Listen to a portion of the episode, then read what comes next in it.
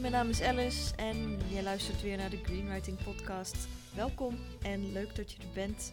Ik wil vandaag iets heel bijzonders delen. Ik heb namelijk voor het eerst de stem van mijn opa gehoord. Ik heb mijn opa nooit gekend, mijn Nederlandse opa. Eigenlijk mijn, hè, mijn Limburgse opa valt onder Nederland. Sommige mensen die hebben daar wat discussie over. Zeker over Zuid-Limburg. Ja, mijn opa die, ehm, die komt dus uit het hart van Zuid-Limburg. Hij was geboren in 1911, kan je nagaan. En gestorven in 1981. Ik heb hem echt dus op een aantal jaar gemist. Ik heb hem nooit gekend, nooit meegemaakt. En toch heb ik nu voor het eerst zijn stem gehoord. Een tijdje geleden ben ik daar dus achter gekomen dat uh, er een interview met hem bestaat. Van een van mijn ooms. Die heeft het met hem afgenomen. En dat interview is afgenomen in 1980. En dat staat dus op cassette tape. En ja, ik had dus nu een cassettebandje uh, via, via tante van mij. En ik dacht, oh, die wil ik zo graag horen. En digitaliseren, zodat ik uh, hem ook naar andere familieleden kan sturen. En ik was zo benieuwd. En ik dacht, oh ja, dat is het enige wat ik heb qua geluid hè, van mijn opa. Dus dat is mij heel veel waard. Het is niet, inmiddels niet alleen een cultuurhistorisch erfstuk voor Zuid-Limburg, om het zo maar te zeggen. Maar het is vooral voor mijzelf belangrijk en fijn om mijn roots ook aan die kant beter te begrijpen. Ja, ik ben dat. Uh, uh, ik wilde dat niet met de post ergens naartoe sturen, maar ik wilde dat persoonlijk komen brengen. Nou, recent ben ik in contact gekomen met Frank de Riet. Die heeft een, uh, ja, een visueel identity design bureau, multimedia bureau eigenlijk. En dat heet Brandstichters. En die wou dat uh, wel doen. Die vond het uh, ook wel interessant hè, om dat dan te horen. Dus daar ben ik naartoe gereisd. ik zit hier nu en vanaf mijn adres waar ik aan het cat zitten ben, ben ik daar dus weer ietsjes dichterbij. Dus ik ben naar, het, naar het verre oosten van het land afgereisd. Valt allemaal nog best mee, gelukkig. Hè, en onderweg heb je dan ook weer andere podcasts die je kunt bingen. Dus helemaal niks aan de hand. Helemaal goed. Dus ik ben daar persoonlijk heen gereden. En ja, we zijn uh, die, uh, die tape uh, gaan digitaliseren. Nou had ik van tevoren een beetje bedacht van... Goh, hoe, zou zo'n zo'n zo'n man uit het hart van Zuid-Limburg klinken... die daar ook eigenlijk bijna nooit is weg geweest. Het hele leven heeft gewoond. Is opgegroeid in een kleine plaats daar. En is um, ja, in, een, in een net iets grotere plaats... een groot deel van zijn leven gaan doorbrengen. Waar hij ook een zaak had in het in de kern van dat dorp. Dus ook wel een bekend gezicht en een opmerkelijke verschijning. Ja, heel, heel bijzonder. Ik heb, ik heb dus de, ja, natuurlijk foto's van hem. Ergens is er ook een uh, opname van een fanfare-optocht of iets dergelijks in het dorp. Waar een heel klein fragment is waar hij ook loopt. En nu zijn er dus ook geluidsopnames van hem. Ik de, stemsoort had ik best wel een beetje verwacht. Uh, maar ik moest wel in het begin heel erg wennen aan hoe hij klonk. En het was echt, ik moet even wennen van, hé, hey, wat, wat zegt hij nou precies? En naarmate ik daar een beetje aan gewend raakte, ging ik het ook wat beter begrijpen. Dan heb ik natuurlijk ook gewoon lekker daar gekletst. Dus uh, het was wel heel gezellig. En als ik die audiobestanden heb, dan ga ik daar ook echt rustig voor zitten en helemaal grondig terugluisteren en, en opnieuw en opnieuw. En ik denk, ja, er zijn, zijn vast wel dingen die ik niet helemaal begrijp of helemaal versta. De eerste keer. En dan ga ik nog een keer luisteren. En, en misschien best wel vaak, want dan ben ik eigenlijk weer in het gezelschap van mijn opa. Het is de enige grootouder die ik nooit heb gekend. En dat nu juist van hem uh, het stemgeluid beschikbaar is, dat vind ik echt heel bijzonder. En dat, het raakt me ook bijzonder het raakt me ook heel erg dat dat, dat er is. Dat daar ja, iets, iets, toch iets gedaan is om dat over te leveren. Als, een, als een nalatenschap. Uh, niet veel later is hij trouwens ziek geworden en het jaar daarna is hij ook uh, dus overleden. Uh, na dat interview in 1980. En hij is overleden in 81. Dus het was eigenlijk ook maar, maar net op tijd dat het er was. En ja, het is, toch wel hè, volle 90 minuten zoiets. Uh, twee, twee zijden van zo'n uh, twee kantjes van, uh, van die tape vol. Wat ook wel leuk was, is omdat het zo begin juli is opgenomen, eh, dat je ook echt allemaal ja, dat ze buiten zitten. Dat je allemaal vogeltjes ook op hoort op de achtergrond. En ja, dat schept ook echt zo'n sfeer. Dat hij daar zo zit, op zijn stoeltje. En ja, dan kan het genieten van het fijne zomerweer. En dat hij in alle ontspannenheid dus vertelt over, ja, onder andere over zijn jeugd en ja, zijn leven in, in Limburg. Dus wat dat betreft echt een fantastische snapshot waar ik over mag beschikken. Ja, dat, uh, dat deel ik natuurlijk ook graag met mijn, uh, al mijn nichten en neven. Hij heeft een groot gezin gesticht in, uh, in Zuid-Limburg. Dus ik, ja, er zijn veel ooms en tantes ook. En, en heel veel nichten en neven. Ik, wist nog niet precies van tevoren van oh, hoe ga ik daar nou op, op reageren. Het is, het, ik vind het zo fijn om dit te mogen ervaren. En ik denk dan ook als ik die opname wel eens aanzet, weer, dat ik ook echt het gevoel heb van hé, hey, ik, ik ben in zijn gezelschap. Ik voel, ik voel zelf een gesprek met hem. Ik heb het ook wel, hè, dat als ik eens in de trein zit en ik hoor net in, het, in, in, de stoel naast mij, uh, ja, of achter mij, hoor ik mensen een heel gesprek voeren. En dan luister ik dan ook helemaal af. En dan, dan kan ik het ook me best wel voorstellen wat ze benoemen. Dan, dan ga ik daar ook helemaal in zitten. En wat ze, allemaal vertellen, dan heb ik soms echt het gevoel van... oh, ik hoor best allemaal veel, veel, veel informatie en, en dingen. En dan krijg, krijg ik ook echt zo'n beeld. Dan zie ik het ook echt levendig voor me. Hoe, nou ja, wat zij vertellen, hoe dat gebeurt. Ja, dat idee heb ik dus hier ook. Dat ik heel erg deel ben van het gesprek. Ook al is het in tijd en ruimte onmogelijk om daarbij aanwezig te zijn. Ja, wij bevinden, ons nu in tijd en ruimte dus niet bij elkaar, maar wel in de buurt en ook weer heel dichtbij. En ja, dat, uh, dat vind ik echt heel, heel mooi. Ik uh, wist helemaal niet dat hij zo'n specifieke manier van spreken had. En ik merk daar ook aan dat het ja, hier met de tijd ook wel veranderd, maar, maar ook met uh, ja, in verschillende uh, lokale plekken in, in Zuid-Limburg dat de taal ook weer uh, verschilt. dat, is, ja, dat, is toch, en als je dan kijkt van hoe groot is Zuid-Limburg, ja, weet je, je bent, je bent zo ongeveer 35 40, 40 kilometer ben je van oost naar west. Ja, dat, dat, en dat is het dan. Dat daar al zoveel variatie ook in de taal is een ontwikkeling in de taal. Het zou toch zonde zijn als het verloren ging. En dan kom ik, hè. ik ben twee jaar geleden terug naar Zuid-Limburg verhuisd.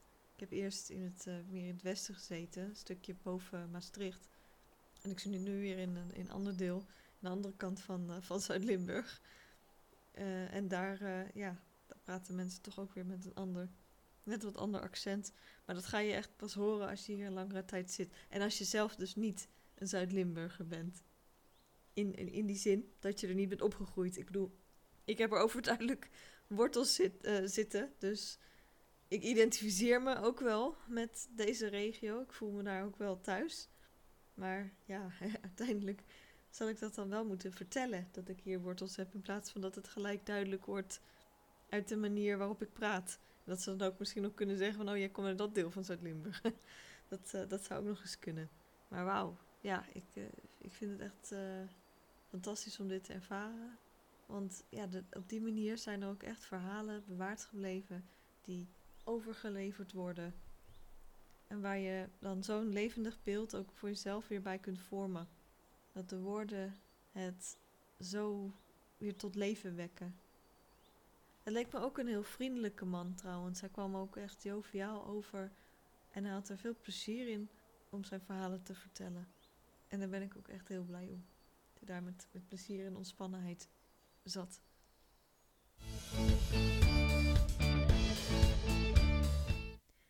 Ik wil deze podcast afsluiten met een creatieve voordracht van een stuk over Limburg. Dat ik een tijdje geleden schreef. En dat ik nu erg bij deze context en bij dit verhaal vind passen. Het stuk dat ik ga voordragen heb ik geschreven in juni van 2022.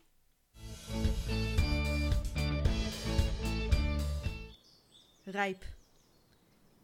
De gouden gloed over de velden schetst een landschap waarin het bijna gebeuren gaat, verstild in overrijpheid, met glooiende graanvelden als een vacht op het land in de avondzon, bewegend in de wind.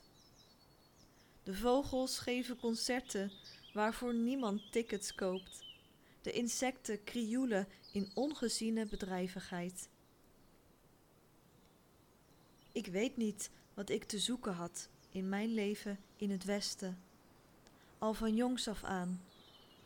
Het voelt als een lang geleden verlaten schil van niet zijn. Een masker van waarachter ik het beste probeerde te maken, overlevend, zonder waarachtigheid. Het soms bijna vindend en dan toch helemaal niet, als uiteenspattend glas dat ooit een eenheid vormde, die nooit meer opnieuw op die manier samengesteld kan worden. Op elk officieel document in mijn leven zal tot in de eeuwigheid staan dat ik geboren ben in de Zuid-Hollandse voorstad. Een gezinsrijke, nooit verwoorde idylle, waarin zoveel potentie zat voor wie maar normaal kon zijn of zich wist te normaliseren. Wat dat dan ook betekende. Ik trok zo snel mogelijk weg uit de voorstad, naar het prachtige Amsterdam. Nu een vrijplaats voor nieuwe welgestelden, zonder tijd om te verstillen in het moment. Alle dagen hard werkend, verstart in een prestatierace. Waar is de finishlijn? Vervolgens streek ik neer in een voorstad in de polder. In een mooi groot huis, een eigen plaats, eigendom, om uiteindelijk toch de eigenheid te verliezen die niet volwaardig kon bloeien, verzandend in moeilijke gesprekken. Uiteindelijk ben ik er alleen maar op uit om te bloeien. Geef me dit rustmoment, waarin ik me kan voeden, om het daarna te blijven voeden.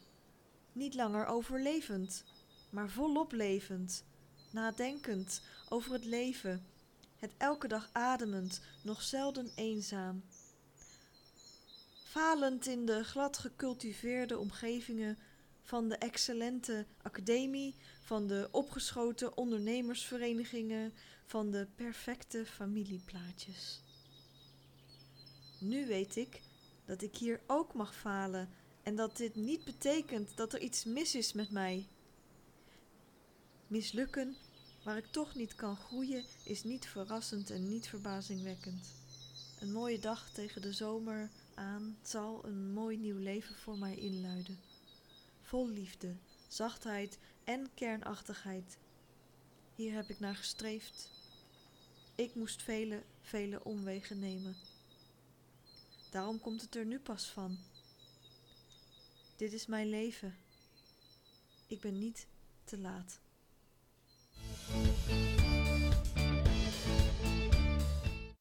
En hier voeg ik nu graag nog wat gedachten aan toe.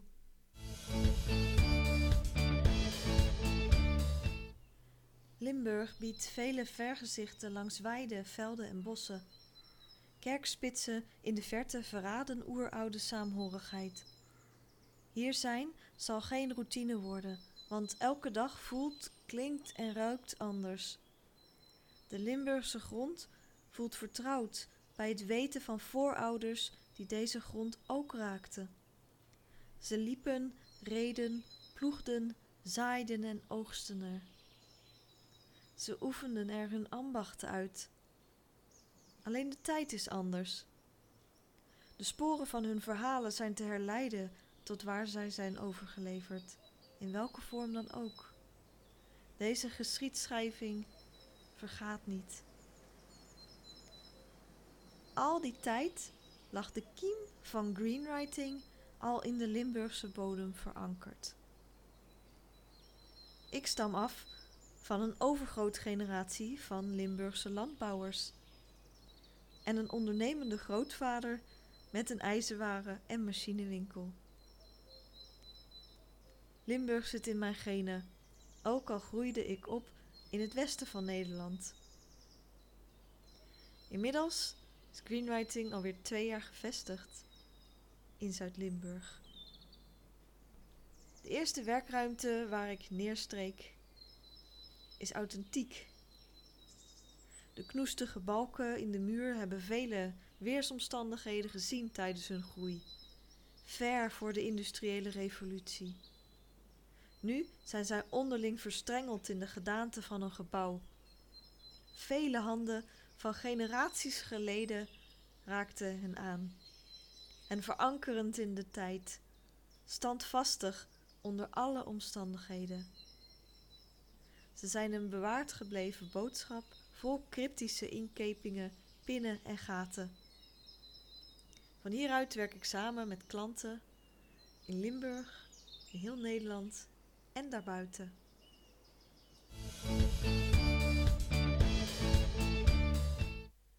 Ja, dankjewel voor het luisteren weer. Ik hoop dat je het uh, interessant vond om dit stukje te beluisteren, mijn gedachten hierover, over het horen van de stem van mijn opa. En als ik die opnames heb, ja, ik ben benieuwd wat ik daar dan mee ga doen. Of ik daar iets, ja, ook iets weer een podcast of een audio mee, uh, mee ga ontwikkelen. Ja, ik ben gewoon heel benieuwd. Ik, uh, alles ligt open. Dan heb ik weer een stukje, ja, een stof een stukje opa in mijn leven gekregen. Uh, dat ja, vind ik heel verrijkend.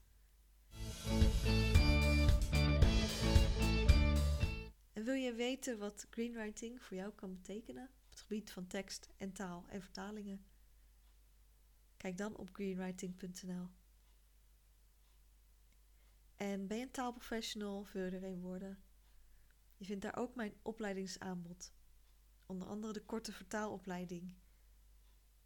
Je kunt een korte vertaaltest ook doen en je taalniveau laten inschatten. En dan krijg je vast gratis wat tips en inzichten van mij.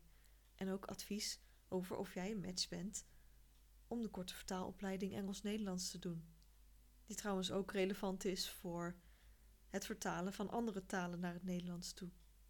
En waar je ook een gedegen stuk ondernemerschap mee krijgt. Een beetje in navolging en vanuit de inspiratie natuurlijk die mijn opa mij hierin heeft kunnen bieden. Ook al was hij er niet meer om mij zelf in levende lijf te kunnen ontmoeten. Dankjewel en tot de volgende keer weer. Bye bye!